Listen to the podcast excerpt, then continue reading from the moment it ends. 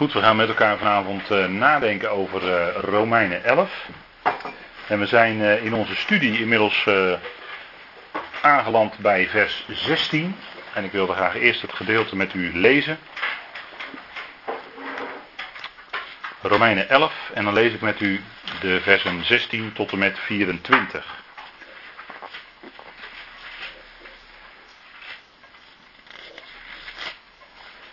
En het klinkt hier en daar misschien iets anders, maar ik lees uit de herziene statenvertaling. En als de eerstringen heilig zijn, dan het deeg ook. En als de wortel heilig is, dan de takken ook.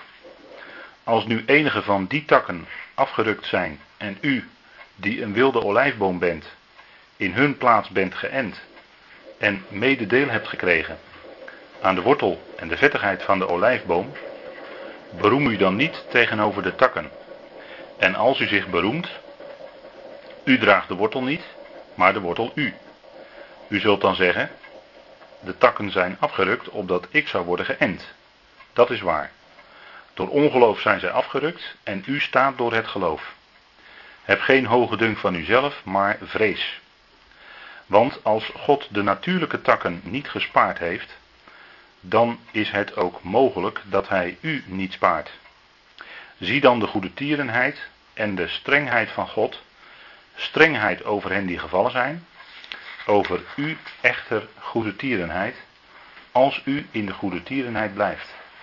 Anders zult ook u afgehouden worden. En ook zij zullen, als zij niet in het ongeloof blijven, geënt worden. Want God is machtig hen opnieuw te enten. Want als u afgehouden bent uit de olijfboom die van nature wild was, en tegen de natuur in op de tamme olijfbomen geënt bent, hoeveel te meer zullen zij, die natuurlijke takken zijn, geënt worden op hun eigen olijfboom. Tot zover dit gedeelte uit uh, Romeinen 11. En zoals u weet staat dit natuurlijk in een uh, groter verband. En dit verband is uh, dat moeten we even om te beginnen met elkaar vaststellen. Het verband hier is Romeinen 9 tot en met 11. En in die drie hoofdstukken gaat het om volkeren. Het begint in hoofdstuk 9 over Israël, dat Paulus een voortdurend hartzeer heeft, een smart in zijn hart en dat zijn gebed voortdurend naar dat volk uitgaat, of voor dat volk is tot God. En hij somt dan de zegeningen op die dat volk ontvangen heeft. Nou, en dan gaat het zo verder en dan gaat hij eigenlijk dat probleem bespreken. Het probleem is, Paulus zag in zijn dagen het volk zich verharden. En wat zou nu het gevolg daarvan zijn? Hoe zou zich dat nu gaan uitwerken? In deze hoofdstukken gaat hij dan uitvoerig in op die hele problematiek. Hoe zit het met Israël? En we ontdekken dan, en we hebben ook ontdekt gaandeweg, hoe zit het dan ook met die andere volkeren? Dus Romeinen 9 tot en met 11 spreekt Paulus over de volkeren. Dat moet heel duidelijk zijn. Dat is het tekstverband waarin het staat. En dat is niet uh, om van tevoren uw uh, richting te geven in uw gedachten, zodat je ergens moet uitkomen. Nee, dit is het resultaat van bestudering van deze hoofdstukken. Dit komt eruit naar voren. En tot en met hoofdstuk 8, vers 39 heeft Paulus gesproken individueel, dus over gelovigen individueel en de redding die zij krijgen door het evangelie. En ik moet er ook even bij zeggen, het geheimenis van het evangelie, want dat komt ook naar voren in Romeinen. En in dat verband wordt alles individueel besproken. En vanaf hoofdstuk 9 vers 1 tot en met hoofdstuk 11 vers 36 wordt het met volkeren, hè, wordt het met over de volkeren dezelfde onderwerpen behandeld, maar dan in veel groter, breder opzicht over de volken. Algemeen. Dus dat is even voor uw gedachtebepaling het tekstverband waar het in staat. Nou, het gaat hier om de olijfboom. En we zullen daar wel vanavond nog wel wat meer over zeggen. Over wat dat allemaal te betekenen heeft. Wat die olijfboom precies betekent. En waarom Paulus dit beeld van de olijfboom gebruikt. En niet bijvoorbeeld het beeld van de vijgenboom. Of van de wijnstok. Want dat zijn weer andere onderwerpen. Dat zijn, die brengen een ander geestelijk facet naar voren. de vruchten die genoemd worden in uh, Deuteronomium 8, vers 8. Nou, dus, dat zijn zeven vruchten die in het land terug te vinden zijn. het is een land van tarwe en gerst. Een land van wijnstokken en vijgenbomen. Een land van granaatappelen en olijfbomen. Olierijke olijfbomen staat er dan. En een land van honing. Nou, dat zijn zeven vruchten. Maar die zeven vruchten hebben allemaal een enorme geestelijke betekenis. Paulus noemt hier de olijf, de olijfboom. En noemt hier ook de wilde olijf, hebben we met elkaar gelezen in het stukje. En wat dat betekent, nou daar zullen we op ingaan vanavond. De olijfboom dus. U ziet hier de structuur. Het is een beetje slecht te lezen. Uh, van zo'n afstand waarschijnlijk. Maar uh, deze presentatie kunt u ook later gewoon terugvinden op het internet. Dus uh, u kunt dan voor uzelf dat uh, bestuderen. U ziet uh, de hele structuur is aan de hand van een aantal steekwoorden die in het midden staan. Die komen eigenlijk in de structuur twee keer naar voren steeds. Hè. Zo is de hele schrift eigenlijk opgebouwd met een hele wonderlijke structuur. En u ziet eigenlijk dat als u met name de onderste drie onderwerpen leest, rechtvaardiging, verzoening en Gods soevereiniteit, dat die drie onderwerpen eigenlijk drie keer door Paulus, of uh, twee keer door Paulus behandeld worden. Eerst in individueel opzicht en vervolgens, en dat ziet u dan aan de rechterkant staan, rechtsonder, in of ten opzichte van de volkeren. En dan ziet u dus dat het bij hoofdstuk 11, vers 1 tot en met 36 gaat over de volkeren en dan over dus de verzoening. Dus de verzoening die staat eigenlijk in dit gedeelte, komt in dit gedeelte naar voren in dit hoofdstuk. En dat woord verzoening vinden wij ook terug in dat voorgaande gedeelte, want we lezen vanuit het tekstverband, vers 15, hoofdstuk 11, vers 15, als u daar even leest, dan zien we daar dat er staat, want als hun verwerping verzoening voor de wereld betekent, wat betekent hun aanneming anders dan leven uit de doden. Dus daar wordt in vers 15 heel nadrukkelijk het begrip verzoening genoemd. En Paulus heeft het hier over hun verwerping, dus hun wegwerping, dat is van Israël. Betekent de verzoening voor de wereld. Dus dan hebben we het over de hele wereld, hè? dan hebben we het over alle volkeren. Even voor, dat is het tekstverband. Hè? Dat, dus het wordt nog scherper duidelijk als je het in zijn verband laat staan. En hun aanneming, dat is in feite al profetie van Paulus. Hun aanneming zal, wat zal dat anders zijn dan leven uit de doden? En dat zal het ook natuurlijk zijn. Hun aanneming zal zijn leven uit de doden. Dan zijn de twee dagen voorbij, zoals Hosea zegt. Die vers hebben we meerdere keren met elkaar besproken. Hosea zegt, na twee dagen zal ik u doen herleven. Na twee dagen zal ik u uit uw graven doen opstaan. Ook vanuit Ezekiel hebben we dat gelezen. Nou, dat is volstrekt duidelijk. Dan zal Israël herleven en het zal enorm zegen zijn voor de wereld. Dus is even heel kort de wat uitgebreidere structuur van Romeinen. Ik denk toch wel belangrijk dat u dat voor uzelf uh, eens bekijkt. Want dan krijgt u toch wat meer zicht op hoe die brief in elkaar zit. Het is toch heel wonderlijk dat je eigenlijk in de hele schrift deze structuren terugvindt. dit is een structuur, je zou andere structuur kunnen maken. Maar goed, eh, het zit er wel in, dat is absoluut. Nou, de olijfboom, zoals gezegd, de olijfboom, die komen we eigenlijk al heel vroeg in de schrift tegen. Uh, links ziet u uh, de bekende duif met in zijn snavel de olijftak. En als u even teruggaat helemaal naar het begin, hè, Genesis, dan weet u wel bij, aan wie we dan moeten denken. Hè. Noach, ja precies.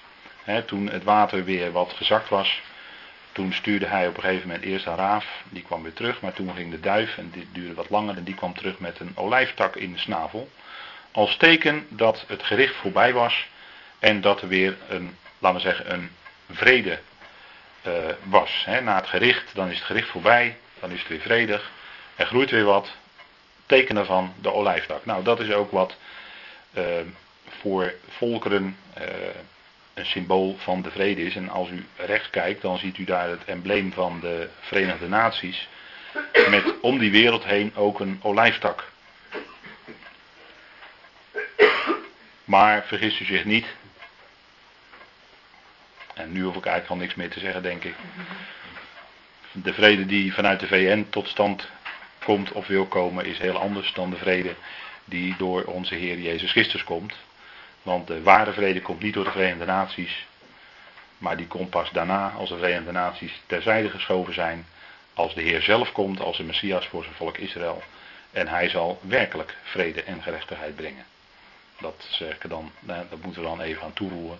Maar u ziet dat ook het symbool dus voor de Verenigde Naties is dus ook die olijftak. Dus die olijfboom die wordt wel eigenlijk van oudsher verbonden met vrede. En dat is eigenlijk ook wonderlijk dat Paulus dus dan juist die olijfboom gebruikt als voorbeeld, als beeld in dit hoofdstuk. Vrede heeft natuurlijk alles te maken met verzoening. We hebben net het woord verzoening gelezen, hè, vers 15. Het gaat in dit gedeelte om de verzoening en de verzoening van de wereld. Dus we hebben al een duidelijke hint dat het gaat om die hele wereld, om die volkeren. En we weten ook, God was in Christus de wereld met zich verzoenend. 2 Korinthe 5, een hele bekende tekst voor ons. Door hun hun krenkingen niet aan te rekenen. En dat is ook wat we in deze tijd zien. God rekent de krenkingen van de volkeren niet toe.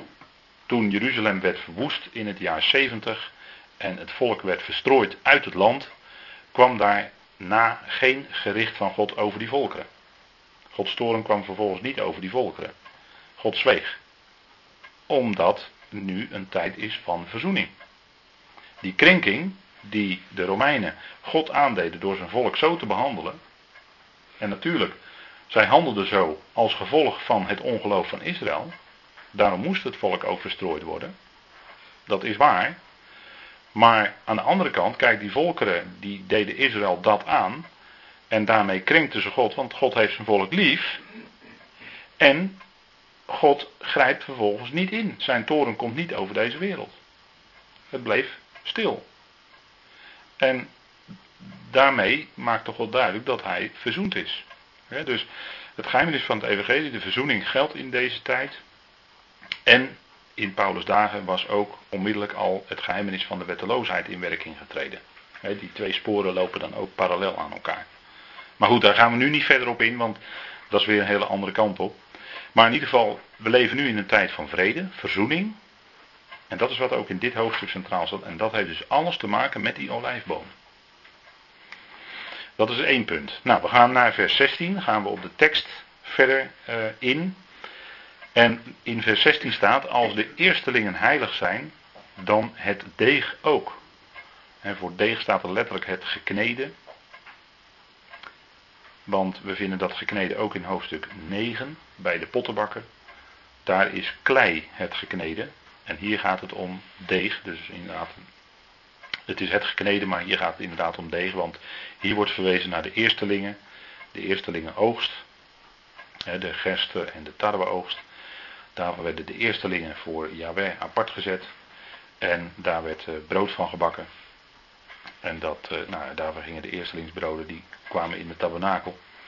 Op de tafel van de toonbroden. Maar dat, uh, dat acht ik bij u wel bekend. Hè? Nou, die, dat, die eerstelingen waren heilig, want die waren apart gezet voor Yahweh. Dat gold ook voor het deeg en het brood in de tabernakel. Dat was ook geheiligd, was apart gezet voor Yahweh. En hiermee maakt Paulus iets duidelijk. Hij neemt nog een ander beeld. Hij gebruikt hier eigenlijk twee verschillende beelden. Hij zegt aan de andere kant, als de wortel heilig is, dan de takken ook. dus hij wijst hier op een oorspronkelijk iets en op iets dat er later op volgt.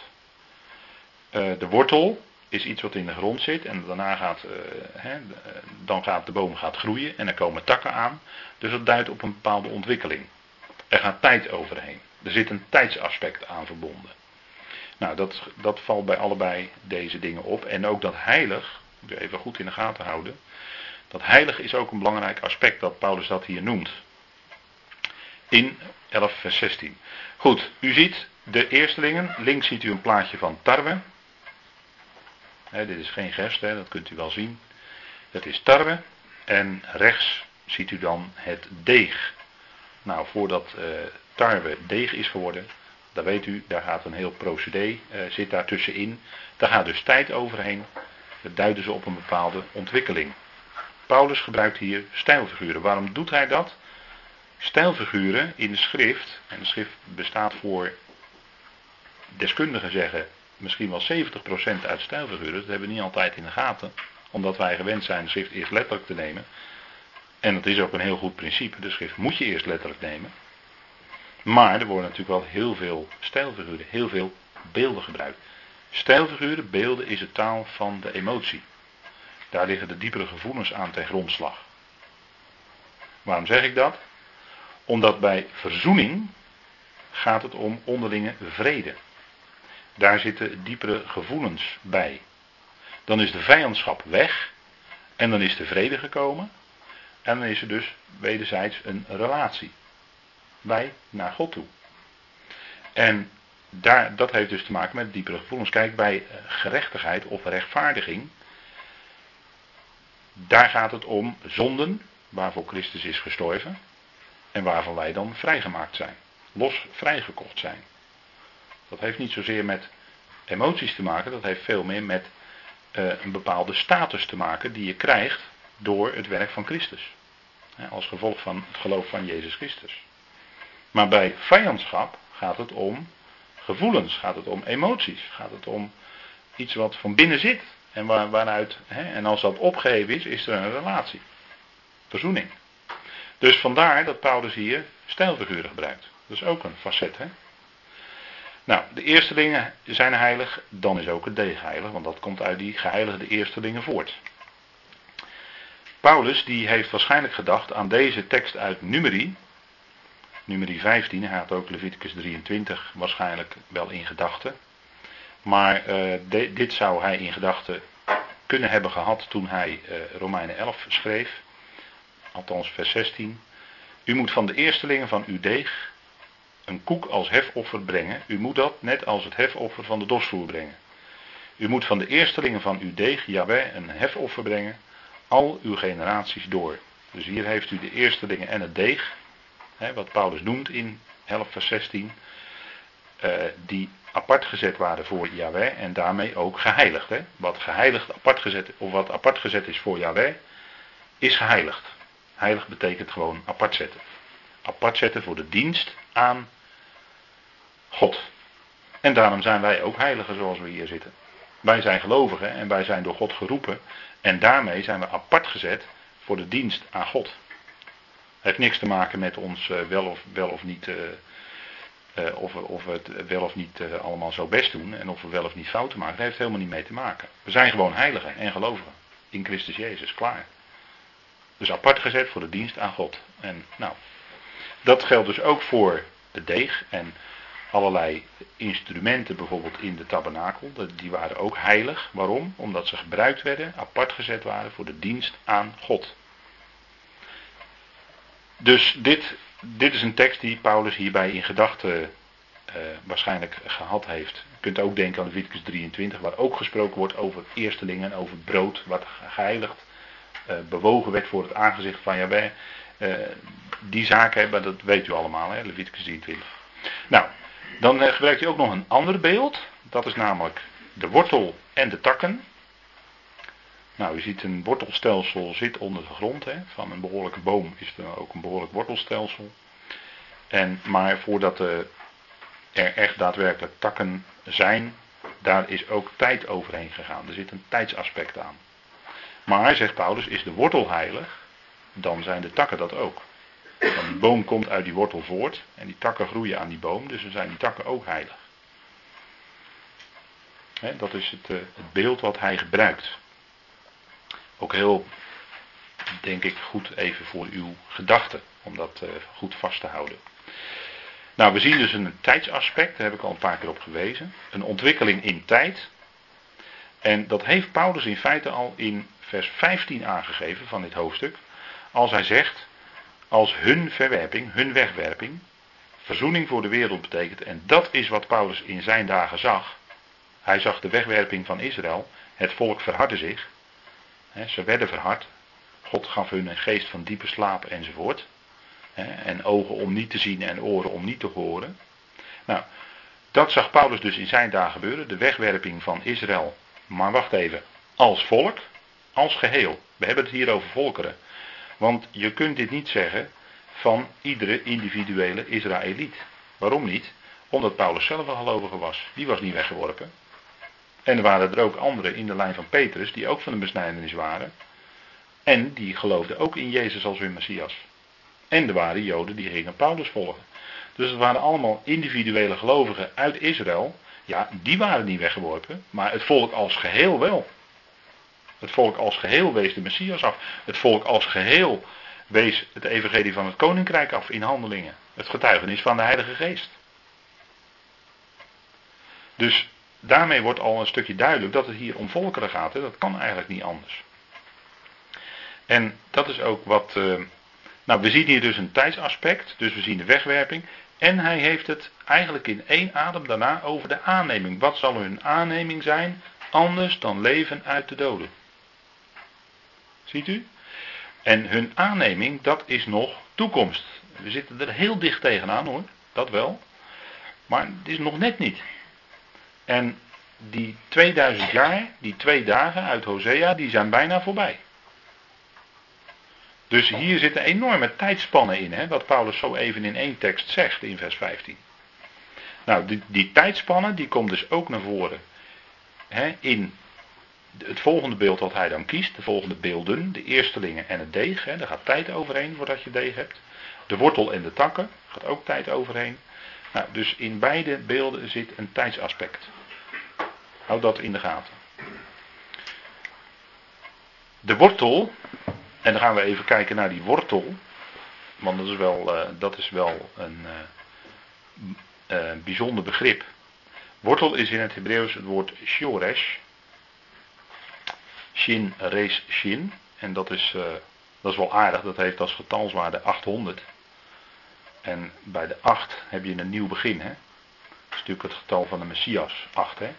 Um, ik, heb wel eens, ik heb wel eens gelezen dat uh, de getalswaarde van het Griekse woord Jezus, dat het 888 is. Ik dacht dat het zo zat. Dus daar hebben we weer die 8. 8 heeft te maken met de Messias. 8 heeft ook te maken met een nieuw begin, een nieuwe schepping. Hè? Ben je voorbij de 7. Deze oude schepping is de wereld van de 7. Maar als je in komt in de 8, dan ben je dus in een nieuwe schepping. Dus in dat Shores is dus al een heel bijzonder woord. Hè? Nou, uh, dat, wordt, dat begrip wortel wordt toegepast op de Messias. En dat lezen we in Jesaja 11. En dan wil ik even met u opslaan. Jesaja 11 vers 1.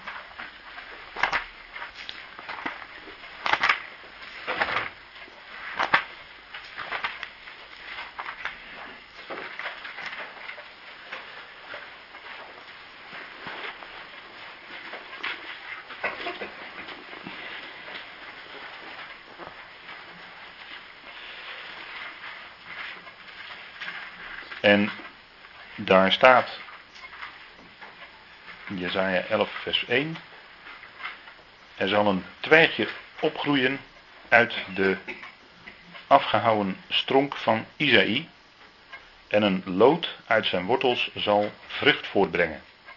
En hier zien we dus dat begrip wortels hè, in vers 1. Op hem zal de geest van de Heer rusten, de geest van wijsheid en inzicht, de geest van raad en sterkte, de geest van kennis en vrezen des Heren. Zijn ruiken zal zijn in de vrezen des Heren. Hij zal niet oordelen naar wat zijn ogen zien. Hij zal niet vonnissen naar wat zijn oren horen. Hij zal de armen recht doen in gerechtigheid. En de zachtmoedigen van het land zal hij met rechtvaardigheid vonnissen. Maar hij zal de aarde slaan met de roede van zijn mond. En met de adem van zijn lippen zal hij de goddeloze doden. Nou, even tot zover. Uh, hier zien we dus dat het begrip wortel dus op de Messias wordt toegepast. Hè. Dit is natuurlijk een hele duidelijke profetie van de Heer Jezus. Die uh, inderdaad de wortel is uh, van Isaïe. En dat is natuurlijk geweldig wat hier over hem staat. Hè. Die zevenvoudige geest, om het zo maar te zeggen, die op hem rust. zo zal hij ook zo heeft hij opgetreden, maar hij zal natuurlijk in volle kracht en heerlijkheid als koning der koningen optreden. Als hij komt om zijn volk te verlossen uit het huis van David. Hè? Isaïe, de vader van David. En u weet natuurlijk dat Obed, hè, u kent die lijn wel hè, in eh, de stam Juda, Obed. uit de Prachtige geschiedenis van Rut, hè, Obed, Isaïe, David. En dan zit je dus in de koningslijn helemaal. En hier staat dan ook in dat die lood uit zijn wortels vrucht zal voortbrengen. Nou, dat is de Heer Jezus Christus zelf. dat is natuurlijk een geweldige profetie. En hij zal ook de goddeloze, dat is toch wel bijzonder, in dat vierde vers. Eh, met de adem van zijn lippen zal hij de goddeloze doden. Nou, dan moet je toch direct denken aan 2 Thessalonicense 2. Waarin met de adem van zijn mond de wetteloze zal te niet doen. Dus Paulus heeft gewoon daar Jezaja 11 in gedachten als hij dat schrijft. Het is gewoon een profetie over wat dan in de nabije toekomst gaat gebeuren. Dus hier zien we een duidelijke profetie over uh, de Messias. En er wordt het begrip wortel aan verbonden. Ook in vers 10 wordt dat nog eens gezegd hè, van Jezaja 11. Want op die dag, hè, dat is uh, de dag van de Heer, als, steeds als er staat in de profetie te dien dagen in de NBG-vertaling, dan uh, gaat het om die dag, hè, om die tijd van de dag van de Heer, duizend jaar. Dan zal de wortel van Isaïa zijn, daar heb je weer, hè, heb je hem weer, Shoresh. Die zal staan als een banier voor de volkeren. Naar hem zullen de heidevolken vragen. Zijn rustplaats zal heerlijk zijn. Het moet natuurlijk een geweldige tijd zijn als die volkeren toestromen naar Jeruzalem. Om hem daar, de koning der koningen, te ontmoeten. Om hem daar te zien. En dat zullen ze ook doen hè, met die feesten. Zullen zij drie keer per jaar optrekken naar Jeruzalem. Om de feesten des Heren, dan zijn het feesten des Heren. Zullen zij vieren. En dan zullen ze naar hem vragen. Ze zullen aangrijpen de slip van een Joodse man. En die Joodse man is natuurlijk de Messias hè, in de eerste plaats, Zacharia. Bekende tekst. Maar dus in de eerste plaats natuurlijk de Messias zelf, de Heer zelf. Nou, Jezaja 53 vinden we dat ook. We gaan even verder bladeren naar hoofdstuk 53, natuurlijk een heel bekend hoofdstuk. Wat uh, vaak rond Goede Vrijdag en Pasen gelezen wordt. Maar op andere momenten van het jaar is het ook absoluut de moeite waard om dat te doen. Jezaja 53. En daar lezen we vanaf vers 1. Wie heeft onze prediking geloofd? En aan wie is de arm van de Heer geopenbaard? Nou, die tekst hebben we al met elkaar bekeken hè, aan de hand van Romeinen. Want hij is als een lood opgeschoten voor zijn aangezicht. Als een wortel, daar heb je hem, uit dorre aarde. Gestalte of glorie had hij niet. Als wij hem aanzagen, was er geen gedaante dat wij hem begeerd zouden hebben. dus die heerlijkheid, die hij wel had, had na de opstanding, die had hij natuurlijk nog niet in zijn vernedering. En dat is wat Jezaja hier zegt. Hè? Als wij hem aanzagen, was er geen gedaante dat wij hem begeerd zouden hebben. Hij had toen geen heerlijkheid. Was gewoon mens. En hier wordt hij ook aangeduid als de wortel. De wortel uit de dorre aarde. Maar wel een wortel die ongelooflijk belangrijk is, die essentieel is voor de mensheid. Nou goed, we gaan eh, kijken, dat begrip wortel wordt ook toegepast op Juda. We moeten toch om de tijdswil even door. Dat is 2 Koningen 19. En dan uh, bladeren we zo wat heen en weer in de Bijbel, hè? maar dat is ook Bijbelstudie doen. Schrift met schrift vergelijken. Ongelooflijk belangrijk. 2 Koningen 19, vers 30. Daar wordt de wortel op Juda toegepast. Dus eigenlijk het twee, de twee stammen.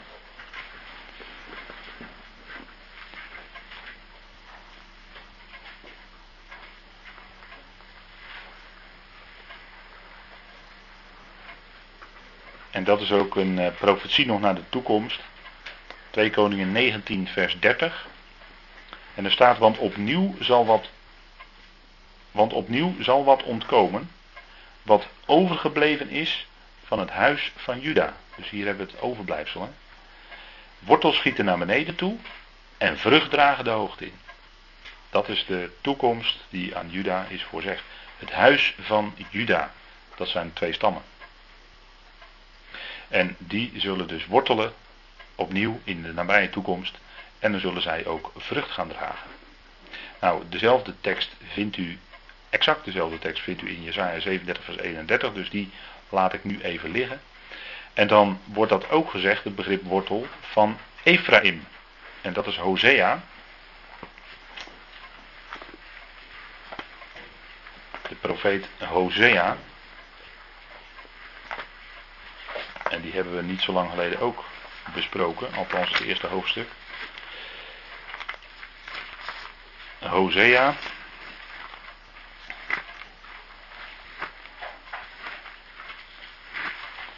En dan hoofdstuk 9. Hosea 9.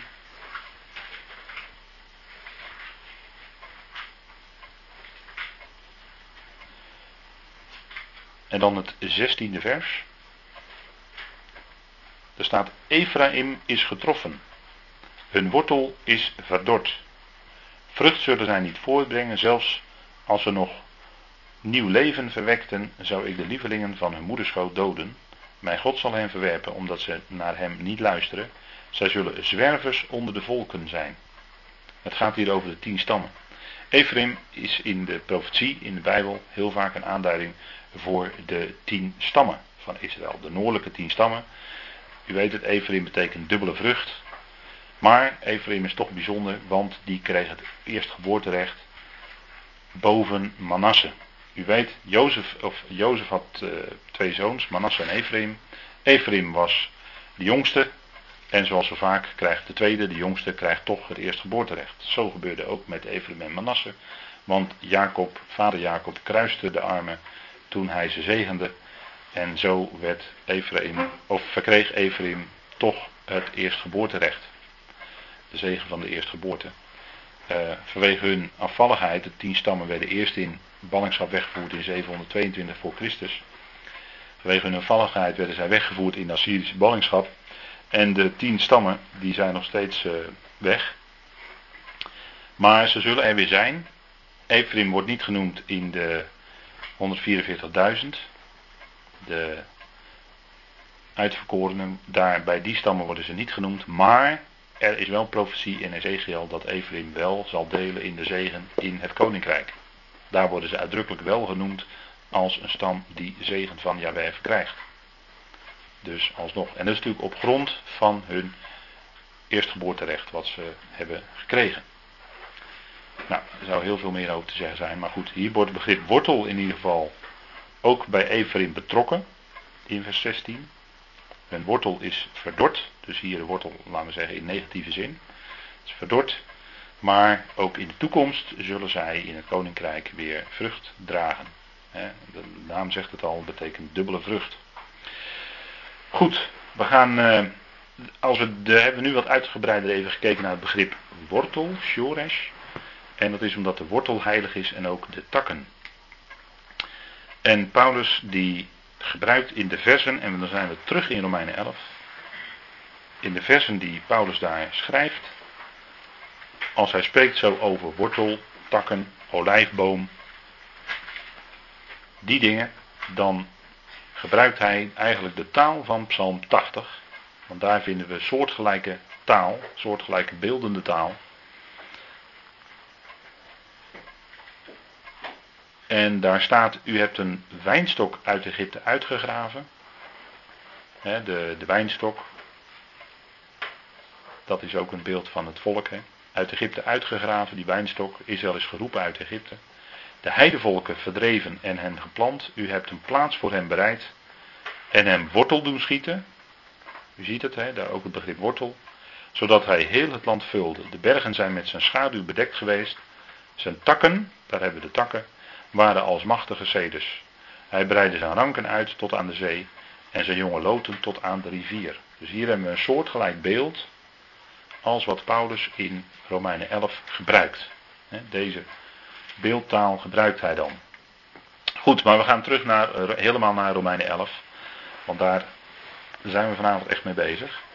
En dan het 17e vers. En nu gaan we wat nader in op de betekenis. Want in vers 17 staat, als nu enige van die takken.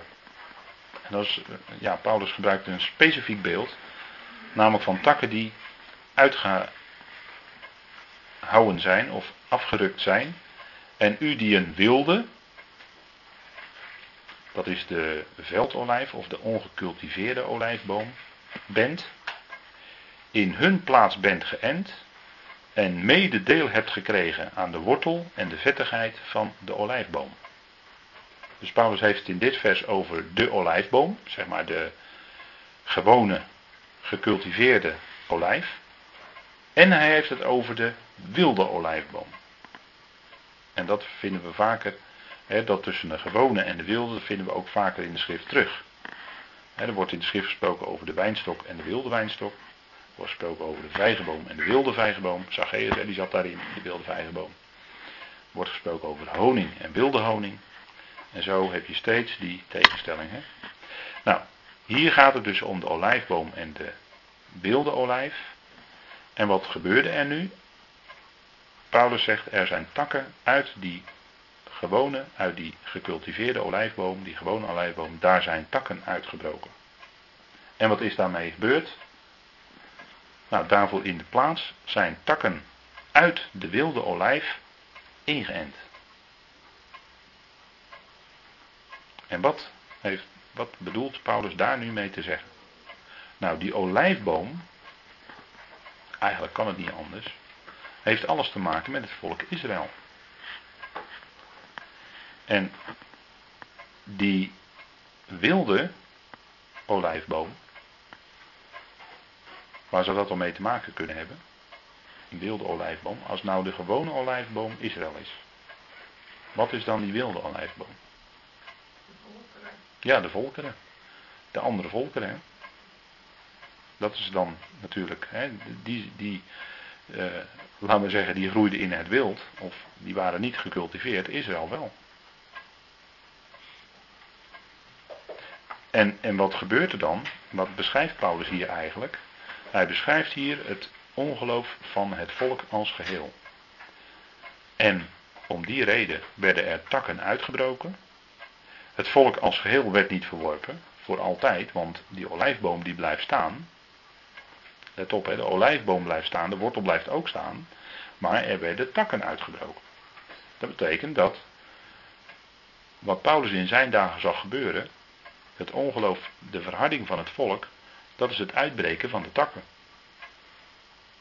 En ze zouden ook in, eh, in ballingschap gaan, hè, in, uit het land verdreven worden het jaar 70. Dat was geprofiteerd door de Heer zelf. En dat is wat Paulus hier in feite beschrijft. Nou, die olijfboom. Je ziet uitgebroken takken. Dat heeft te maken met ongelovig Israël. Het ongeloof van Israël. Niet allemaal. Ze waren niet allemaal ongelovig, maar in feite de meerderheid van het volk wel, hè, grofweg gesproken. Dan hebben we de wilde olijf. Dit is echt een wilde olijf. Dat is een beeld dus van de volkeren. En takken uit die wilde olijf werden dus geënt op de olijfboom Israël. Zij kregen deel aan de Messias. Het evangelie ging buiten de landsgrenzen. En zij aanvaarden dat woord van God. Geloof. Paulus spreekt later ook, er komen nog op, over ongeloof en over geloof. Nou, zij zijn dus geënt op de edele olijf. Die takken. En wat is dan het kenmerk van de toepassing van het gebruik van de vruchten van de olijfboom? Dat is een vraag aan u. Dus die vruchten, dat zijn natuurlijk de olijven. En wat doe je daarmee? Ja, je kunt ze opeten. Maar er is ook nog een andere toepassing. Persen. Persen en dan heb je olie. En wat kun je met die olie doen? Licht maken. Licht maken, ja. Dus olie werd onder andere gebruikt, naast dat je het met, e- met bereiden van eten kan gebruiken, werd het ook gebruikt, daadwerkelijk, in de tabernakel en in de tempel, voor licht. De gouden kandelaar werd gevuld met olijfolie en gaf dus licht. En zo hebben ze ook in Israël uh, olielampjes. S'avonds als het donker werd, nou dan had je van een olielampje had je licht. Dus een licht, het geven van licht is een hele belangrijke functie. Blijkt uit het tabernakel en uit de tempel. Hè? Dat juist daarvoor olijfolie werd gebruikt. Kijk, de gouden kandelaar, zoals die uh, prachtige, prachtige menorah die er staat in Jeruzalem. Die uh, kan, hè, daarbovenop zitten dan die lampjes en die kunnen allemaal gevuld worden met olijfolie. Dat is allemaal van goud. En die is dan bedoeld om straks in de nieuwe tempel die ze willen oprichten, om daar in het heilige ook licht te geven. En die zal dan ook weer gevuld moeten worden met olijfolie naar het voorschrift. Hè. Dus even het verband leggen. Olijf. Je moet een olijf persen, dan komt er olie uit. Gethsemane betekent ook olijfpersbak. Heel vol betekenis, hè. Gethsemane op de olijfberg met al die olijfbomen. Gethsemane betekent olijfpersbak. En daar kwam in feite het licht. Hij die het licht van de wereld was, werd daar geperst in zijn lijden. Olijf geeft olie en olie geeft licht. En licht is natuurlijk ook een functie van het woord van God, dat licht geeft. De opening van uw woorden verspreidt licht. Uw woord is een lamp voor mijn voet en een licht op mijn pad. Nou, zo kunnen we nog wel, dat kunt u nog wel aanvullen, denk ik, met teksten die ook in die richting wijzen. Het woord is licht. Christus is zelf het licht van de wereld. Hè? Dat zei de Heer Jezus van zichzelf. Ik ben het licht van de wereld. Hij is ook het woord tegelijkertijd. Dus dat grijpt allemaal in elkaar, hè, dan die beelden. Nou, het woord dus. Daar gaat het om. Hè, de olijfolie die licht geeft is een beeld. En olie, olijfolie, dat weet u wel uit de schrift. Is altijd ook een beeld van de geest van God. En die geest van God, die veroorzaakt ook licht. Dat zien we al in Genesis 1. Hè. Nou, maar die geest van God is ook de, uh, hè, uh, dat wat het woord aan ons en in ons levend maakt en doet leven en licht geeft. Dus hetzelfde. Hè? Woord en geest, dat ligt allemaal heel dicht bij elkaar. Dus we zien een duidelijke functie van die olijfboom is niet alleen vrede en verzoening, of vrede wat we net gezien hebben, een symbool van vrede, maar het heeft alles te maken met licht. Voortbrengen van de olie waardoor je licht hebt. Olijf is vol met olie dat betekent het beeld van de geest. Dus olijfboom is natuurlijk die boom die eigenlijk vol is van de geest. Als ik het even in een beeld zeg. De olie. Dus dat is eigenlijk wat met die olijfboom en welk volk had tot in Paulus' dagen de functie om licht te geven aan de andere volkeren. Dat was het volk Israël. En daarmee is heel duidelijk dat dus met die olijfboom niet anders bedoeld kan worden dan het volk Israël. Zij hadden de tenag. Zij hadden dat woord van God ontvangen. En daarmee het licht van God bedoeld om dat licht te verspreiden bij de andere natie. Staat in Jezaja dat ze daarvoor geroepen waren. Hoe dat in de praktijk gegaan heeft, dat is een hele andere zaak. Maar zij waren die olijfboom die olierijke olijfboom, bedoeld om licht te geven aan de natie. Het licht van het woord van God.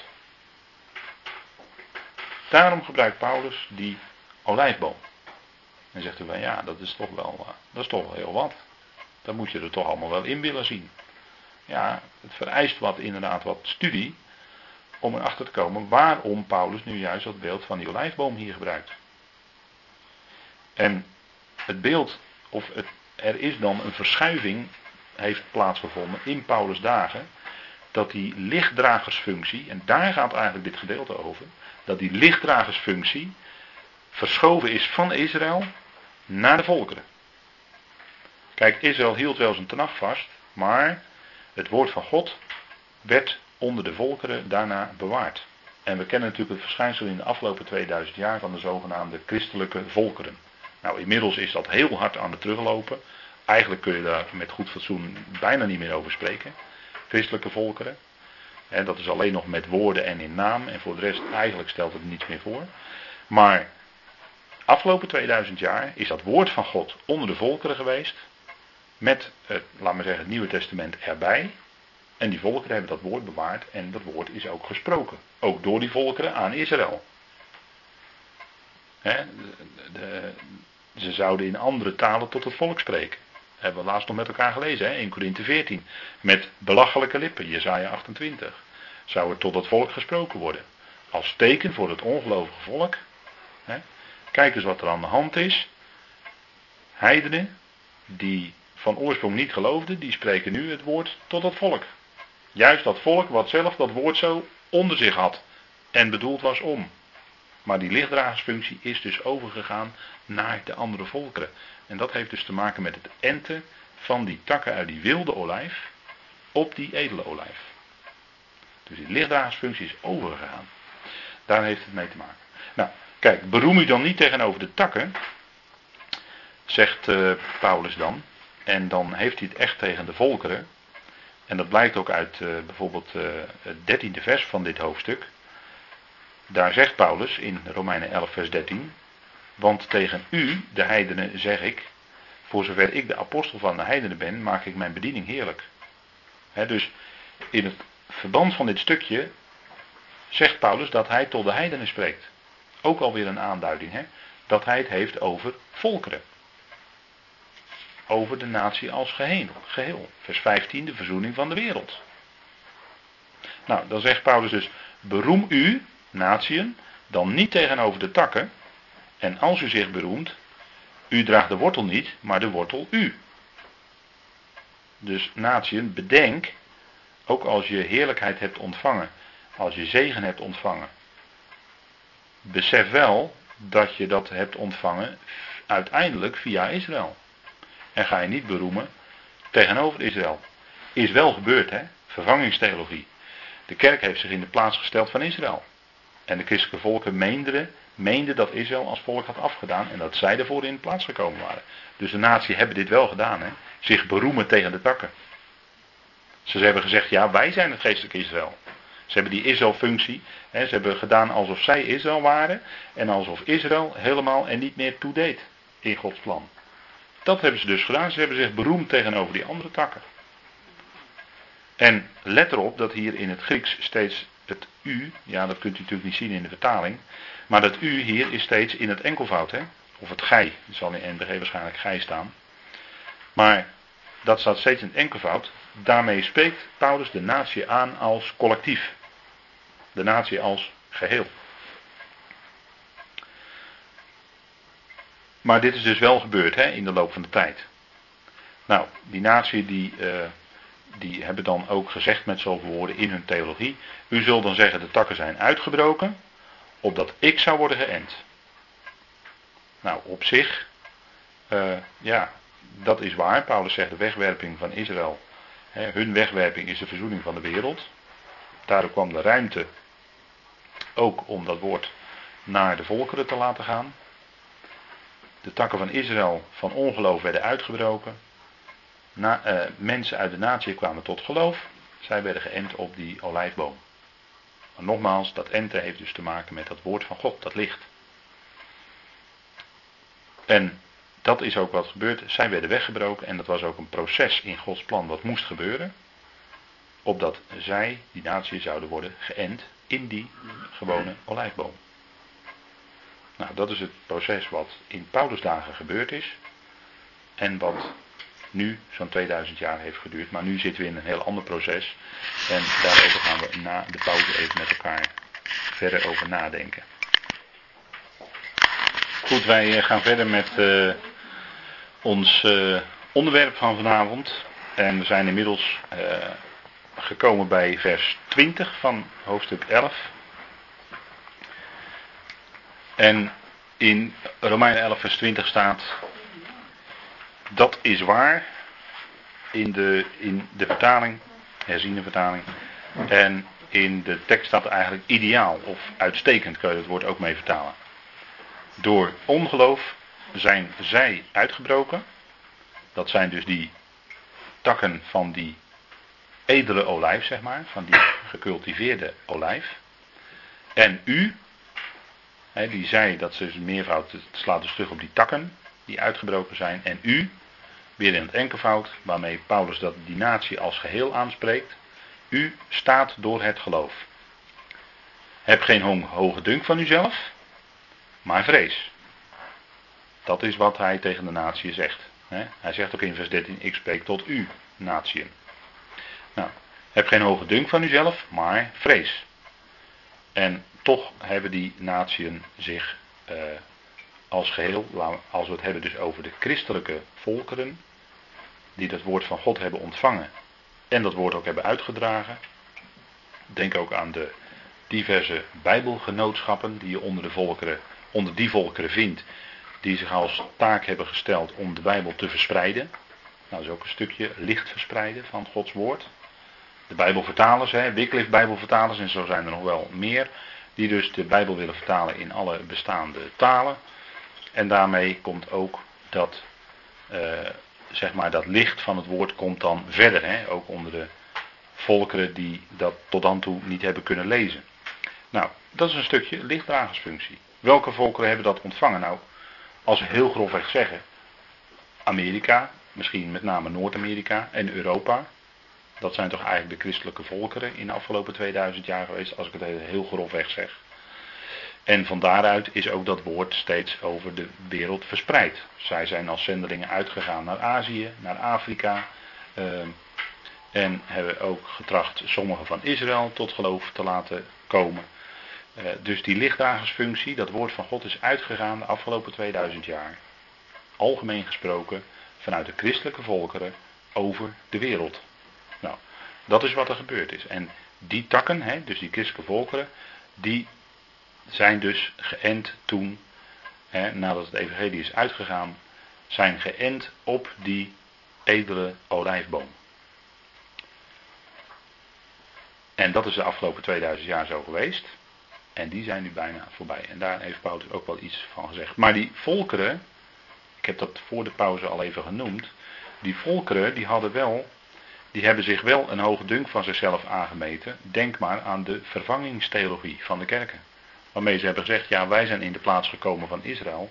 En Israël als volk van God heeft voor altijd afgedaan. En de kerk is het volk van God. En men achter dan die kerk heel groot als een volkskerk. Hè?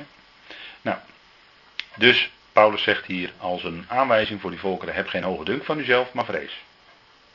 Nou, dat hebben de volken in het algemeen toch niet achterop geslagen. Want, zegt Paulus, vrees Vrees. de vrezen van, vrees van de Heer. Ontzag hebben voor de Heer. Want hij bepaalt het. Want, zegt Paulus, als God al de natuurlijke takken, Israël, niet gespaard heeft, er werden natuurlijke takken uitgebroken, gebeurde in Paulus' dagen, dan, zegt Paulus, is het ook mogelijk dat hij u, natieën, niet spaart. En Daarmee zegt hij eigenlijk, met dat niet sparen, geeft hij eigenlijk al impliciet aan dat de mogelijkheid bestaat dat die wilde olijftakken die geënt waren op de edele olijf, dat die uitgebroken zouden worden. Want als dat bij de natuurlijke takken al gebeurd is, nou, dan zal het helemaal kunnen gebeuren bij de wilde takken, om het zo maar te zeggen. En dat is wat ook, en dat is eigenlijk wat wij zien in onze tijd. Hè?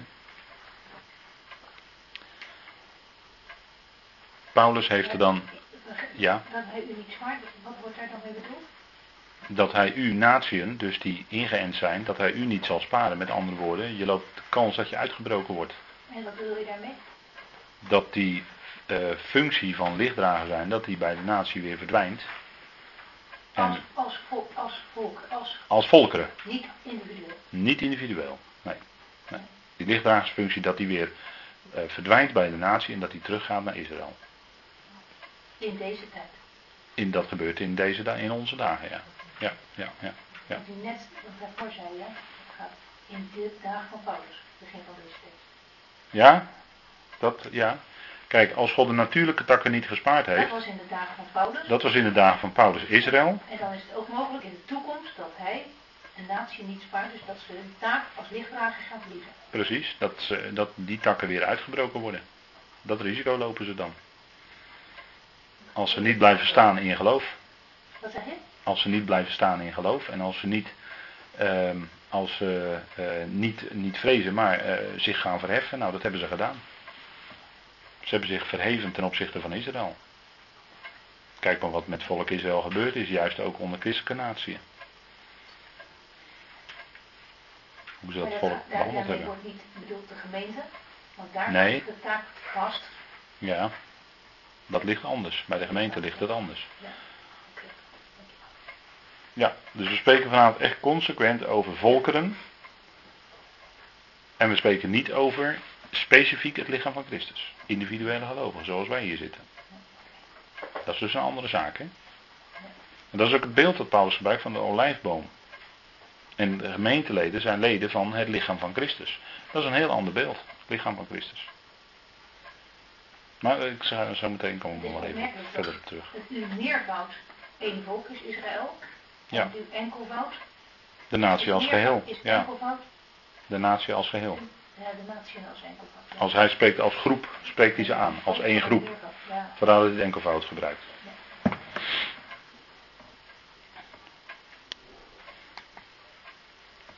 En dan zegt Paulus in vers eh, 22: Let op de mildheid en de strengheid van God.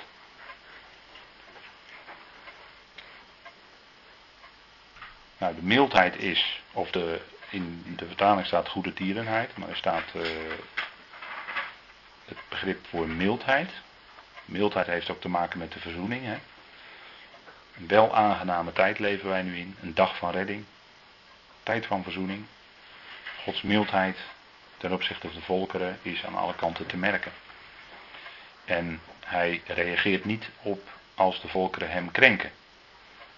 Want wat denkt u dat het Duitse volk hem gekrenkt heeft, of Duitsland in het algemeen, hem gekrenkt heeft in 1940, Maar is daarna dan een vreselijk gericht over Duitsland gekomen? Nee. God heeft niet gereageerd op die enorme krenking. Wat ze zijn volk aandeden. Wat denkt u wat er in Spanje is gebeurd? Hm? Dat eh, de Joden met de, met de dreiging van het zwaard zich moesten bekeren tot, eh, tot, tot de kerk. Hè? 1492, hè? berucht jaar. Spanje. Hoe die Joden daar behandeld zijn. Daarom zijn die Joden ook later in Amsterdam bijvoorbeeld terechtgekomen. Dat heeft te maken met de vervolgingen in Spanje. Die zijn over Europa eh, verspreid. En ook naar Engeland. Kruistochten. Bij de eerste kruistocht zijn een miljoen Joden vermoord. Alsjeblieft. Op al die krenkingen heeft God niet zijn toren laten komen over deze aarde. Want het is een tijd van verzoening. Dat is, dat is wat de volkeren hem dus aangedaan hebben door zijn volk zo te behandelen. Nochtans blijft hij zijn verzoenende handen naar deze wereld uitstrekken. Maar die tijd is bijna voorbij. Dus de mildheid en de strengheid van God. En hoe werkt zich dat dan uit? Nou, zegt Paulus, strengheid over hen die gevallen zijn. Dat zijn dus die takken die uitgebroken zijn van Israël, die op de grond vielen, zeg maar. De gevallenen. Niet Israël als volk is gevallen hoor. In hoofdstuk 11 staat dat zij struikelden, maar ze zijn niet gevallen. Er staat in uw vertaling, dan moet ik toch even corrigeren. Er staat dat hun val, staat er twee keer, maar er staat twee keer hun krenking. Zij zijn niet gevallen. Israël is niet omgevallen, die boom staat, de olijfboom staat nog. Maar ze hebben wel God gekrenkt. Nou. Dus over de gevallenen strengheid van God. Over u echter goede tierenheid of mildheid. Als u in de goede tierenheid, mildheid blijft. En dat u is dan weer, in vers 22, of gij, is dan weer die volkeren. Anders, en daar komt hij, anders zult ook u afgehouden worden. Anders zult ook gij uitgebroken worden of uitgehouden. Dat is die strengheid van God. Als ze niet blijven bij het staan in geloof. Kijk, en dan dat geloof. Er wordt hier gesproken over geloof en ongeloof.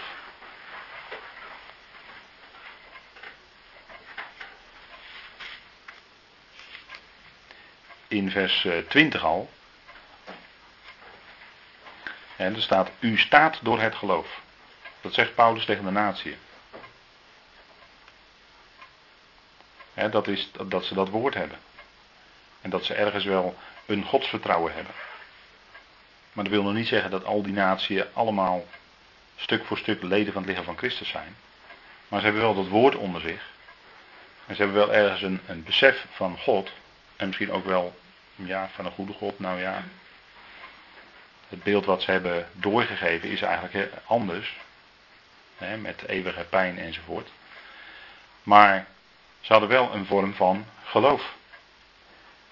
Maar dat is nog niet, hè, dat wil nog niet zeggen dat zij eh, gered zijn zoals wij individueel door het geloof van Jezus Christus.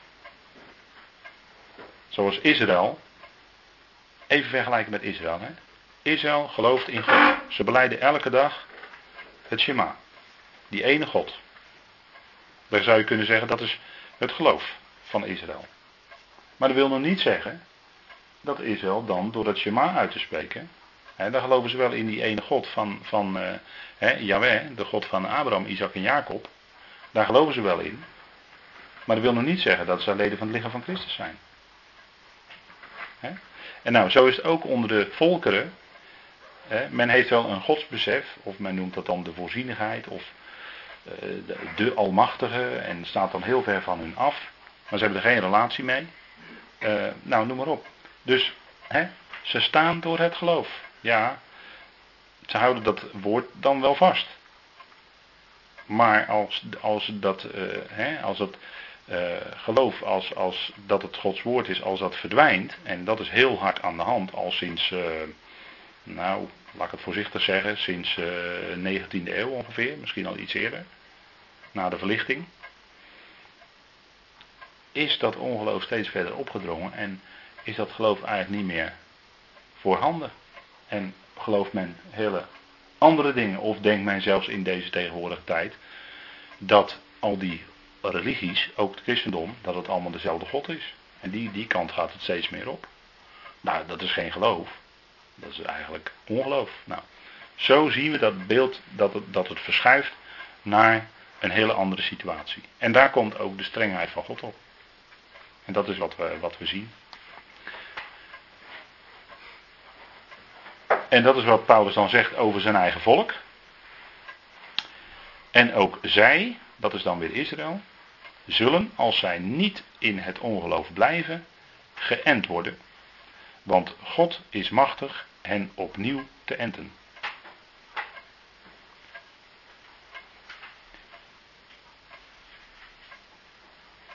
En dit wordt dan natuurlijk gezegd van Israël als geheel, als volk. Geheel als volk is ongelovig. Ja, ze geloven wel in Yahweh.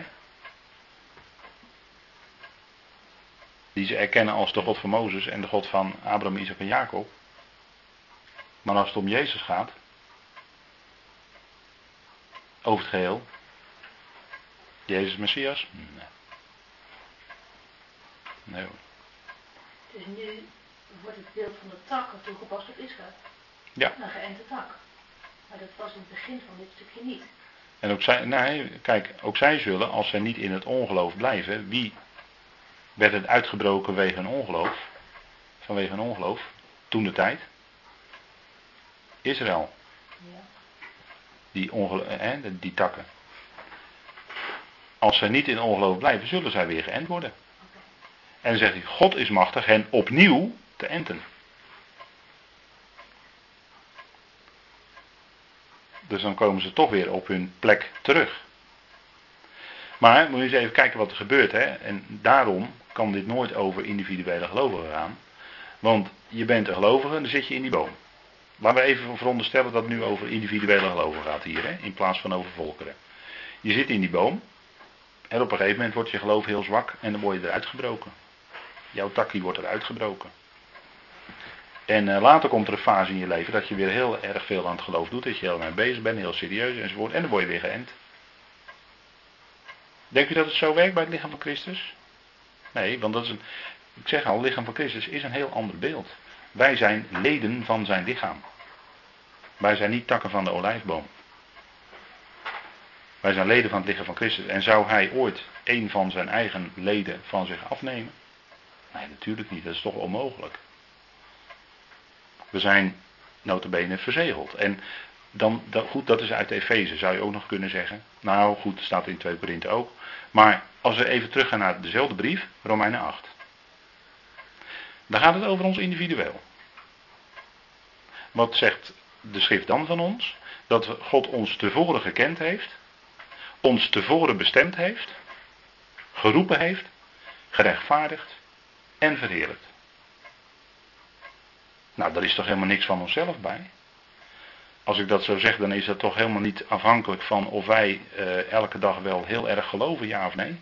Sorry dat ik het even op deze manier zeg. Maar eens even om het duidelijk te maken. Want dan zou het betekenen, ja, het ene moment is ons geloof zwak. Dan wordt die tak eruit gebroken. Andere moment is ons geloof sterk. Wordt die tak erin gezet.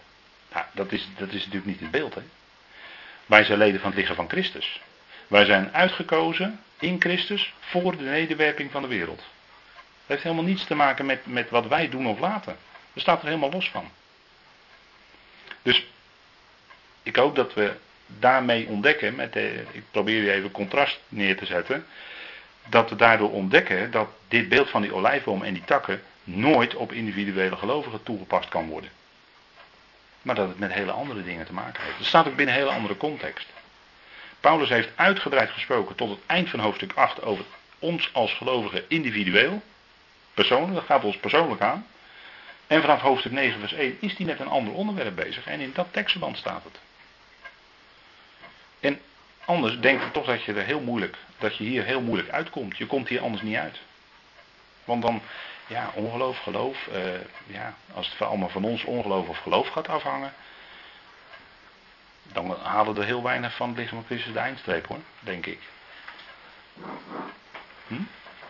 Nou, dus God is machtig hen, Israël, opnieuw te enten. En dat is ook de, het einde van deze tijd, en in die dagen leven wij, dat Israël weer die functie gaat krijgen van lichtdrager. Zij zullen het woord van God verspreiden en dat zal gebeuren in het komende koninkrijk. Dan hebben ze die functie weer. Dan zijn ze weer echt die olijfboom. Dus we zien achterin volgens, even in een simpel overzichtje, het uitbreken van de natuurlijke takken. Dat is in het begin van dit stukje. En dan, daarvoor zien we dan in de plaats komen het inenten van de wilde takken. Dan gaat er een periode van grofweg 2000 jaar voorbij. En dan spreekt Paulus daarna over het uithouden van de wilde takken. Dat is dus de volkeren die het woord van God hadden aanvaard.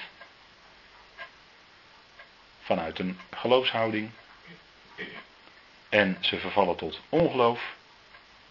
Na de verlichting werd het woord van God steeds meer ter discussie gesteld. Denk aan de hogere Bijbelkritiek dus dat de Bijbel uh, onder kritiek werd gesteld. En men heeft gezegd van ja, op een gegeven moment kwam een Boeltman en die zei dat je de Bijbel moest ontmythologiseren. En dat er heel veel mythen in de Bijbel zouden staan. En dat je alleen maar de kern die erin zit zou moeten bewaren, want die zou alleen maar waar zijn. Dat is allemaal flut. Dat is ongeloof. Gods woord is gewoon klaar en helder en duidelijk. Het is gewoon de waarheid klaar uit. Maar dat is dus een teken van ongeloof. En nou, die invloed hè, van, van zo iemand als Boeltman, die is steeds meer in theologie binnengedrongen. En men aanvaardt uh, heel veel theologen die vandaag aan de dag afstuderen, die aanvaarden niet de hele schrift als uh, betrouwbaar. Zeker niet als historisch betrouwbaar. Laat ik u dat wel vertellen. Nou, dat is uh, een stuk ongeloof. Dus vandaar dat die wilde takken, dat die uitgehouden worden. En die natuurlijke takken, dus Israël, die worden opnieuw geënt. En dat is een geweldig bewijs van Gods trouw. Dat God zijn belofte waarmaakt en zijn profetieën ook zal vervullen. Nou, Romeinen 11, dat is dan het laatste vers van dit gedeelte. Romeinen 11, want als u uitgehouden bent uit de olijfboom die van nature wild was. Paulus vat het nog even samen en tegen de natuur in op de tamme olijfboom geënt bent. Dat is wat hij in het begin van het stukje zei, vers 17. Hoeveel te meer zullen zij die de natuurlijke takken zijn, Israël dus, geënt worden op hun eigen olijfboom. Dus als dat geloof weer komt bij het volk, en dat zal ook gaan gebeuren, dan zullen zij weer de Messias aannemen. Zij zullen tot geloof komen. En Paulus vervolgt dit stukje ook, maar daar komen we de volgende keer op. En zo zal gans Israël behouden worden. Dan kun je afvragen wat gans Israël is, maar daar gaan we de volgende keer op in. Dat is weer een heel ander onderwerp. Maar die zullen behouden worden en die zullen dan ook geënt worden op hun eigen olijfboom. Kijk, de twee getuigen in de openbaring, hoe worden die genoemd? Openbaring ja. Ja, de twee olijfbomen. En wat doen zij? Ik heb het al gezegd. Ja, licht uitdragen. Getuigen dus. Dat woord spreken. En wat worden ze genoemd? Olijfbomen. Ziet u het? Kunt het Zacharia ernaast leggen hoor. Zacharia 4, daar wordt ook over hen gesproken. Zij worden olijfbomen genoemd, want dat zijn de twee getuigen. Dat zijn nog de enige twee die op dat moment op aarde getuigen van Yahweh, de God van Israël, en van Jezus als de Messias. En die dragen dat woord uit, die verspreiden dat licht in die enorm duistere tijd die komt. Dus Israël komt dan, althans, wat dan Israël is, komt dan tot geloof. He, en zal een gelovige rest dan ook zijn. En die zullen geënt worden op olijfboom. En dan zal het woord weer uitgaan uit Jeruzalem. Dat staat in Jezaja, dat heb ik ook nog even voor u bij gedaan. In de komende tijd van het koninkrijk zal het weer zo zijn dat zij die functie zullen vervullen. Nou, dat staat onder andere, maar er zijn echt een rijtje profetieën van, is er van te noemen. Maar er staat, vele volken zullen gaan en zeggen, kom, laten wij opgaan naar de berg van Jahweh, naar het huis van de God van Jacob. Dan zal hij ons onderwijs aangaan naar zijn wegen en zullen wij zijn paden bewandelen. Want uit Sion zal de Torah uitgaan, de onderwijzing, hè, en het woord van Yahweh uit Jeruzalem. Dat zal in de komende koninkrijk gaan gebeuren. En daarmee zien we dus volledig de lichtdragersfunctie van Israël. dat woord is licht, dat woord is leven en dat zal dan door hen verspreid worden. Nou, we leven nu in de tijd dus dat dat woord eigenlijk teruggaat vanuit de christelijke volkeren. Hè, dat verdwijnt steeds meer. Het geloof verdwijnt er steeds meer uit. En we zien in onze dagen eigenlijk al vele jaren aan de gang een enorme teruggang van uh, geloof. Steeds meer mensen uh, vertrouwen ook niet meer in het woord van God als het woord van God. En dat zal alleen nog maar verder gaan toenemen. En mensen die, ja, er wordt al er wordt al heel lang beweerd vanuit bepaalde kringen dat er nog een opwekking komt. Er komt geen opwekking. Echt niet. Nee, we leven in de tijd dat het geloof alleen maar zal, verder zal afnemen. En uh, dat het licht in, uh, onder de zogenaamde christelijke volken er steeds meer uitgaat. In die tijd leven. En dat proces is echt niet te keren. Omdat het zo, ja, het moet ook van Gods wegen zo zijn. Het kan ook niet anders. Het is tijd de twee dagen zijn voorbij, de 2000 jaar. Dus het gaat verschuiven. En nou, dat is wat Paulus eigenlijk hier beschrijft. En ehm, hij speelt, nou speelt niet, maar hij noemt de begrippen geloof en ongeloof. En dan denken wij misschien van, hé, hey, nu gaat het over ons als individuele gelovigen, maar dat is dus een, het is dus een ander aspect. Dat hij dat zo noemt, moet je dus anders benaderen vanuit het tekstverband. Want voor ons geldt bijvoorbeeld wat in Romeinen 5 staat. Wij dan gerechtvaardigd uit het geloof hebben vrede bij God door onze Heer Jezus Christus. Dat is wat voor ons geldt. En ja, er zijn wel eens dagen dat ons geloof niet zo functioneert. Of dat we niet zo ons bewust dicht bij God voelen of vinden. Of wat dan ook. Andersom weten we dat God wel heel dicht bij ons nabij is. Maar u merkt het al zoals ik erover spreek. Ons geloof, ja, dat gaat zo maar dat neemt niet weg dat zijn geloof, het geloof van Jezus Christus, dat is een constante. En hij bidt en pleit voor ons bij Vader. Nou, dan zeg ik van nou, daar heb je toch een geweldige zekerheid. En de zekerheid van onze redding is gelukkig niet afhankelijk van ons geloof. Maar is afhankelijk van Gods roepen, Gods kiezen en Gods genade. Dat is het. En nou goed, vandaar dat uh, dit beeld van de olijfboom eigenlijk uh, je moet betrekken bij het volk Israël. Goed, tot zover wat, wat mij betreft. Heeft u nog vragen hierover? Zou ik me zo kunnen voorstellen. Misschien zegt u van nou, ik moet het eerst eens allemaal laten bezinken, want je hebt veel gezegd en, enzovoort. Maar Nee, op dit moment niet. Goed, als ik dan later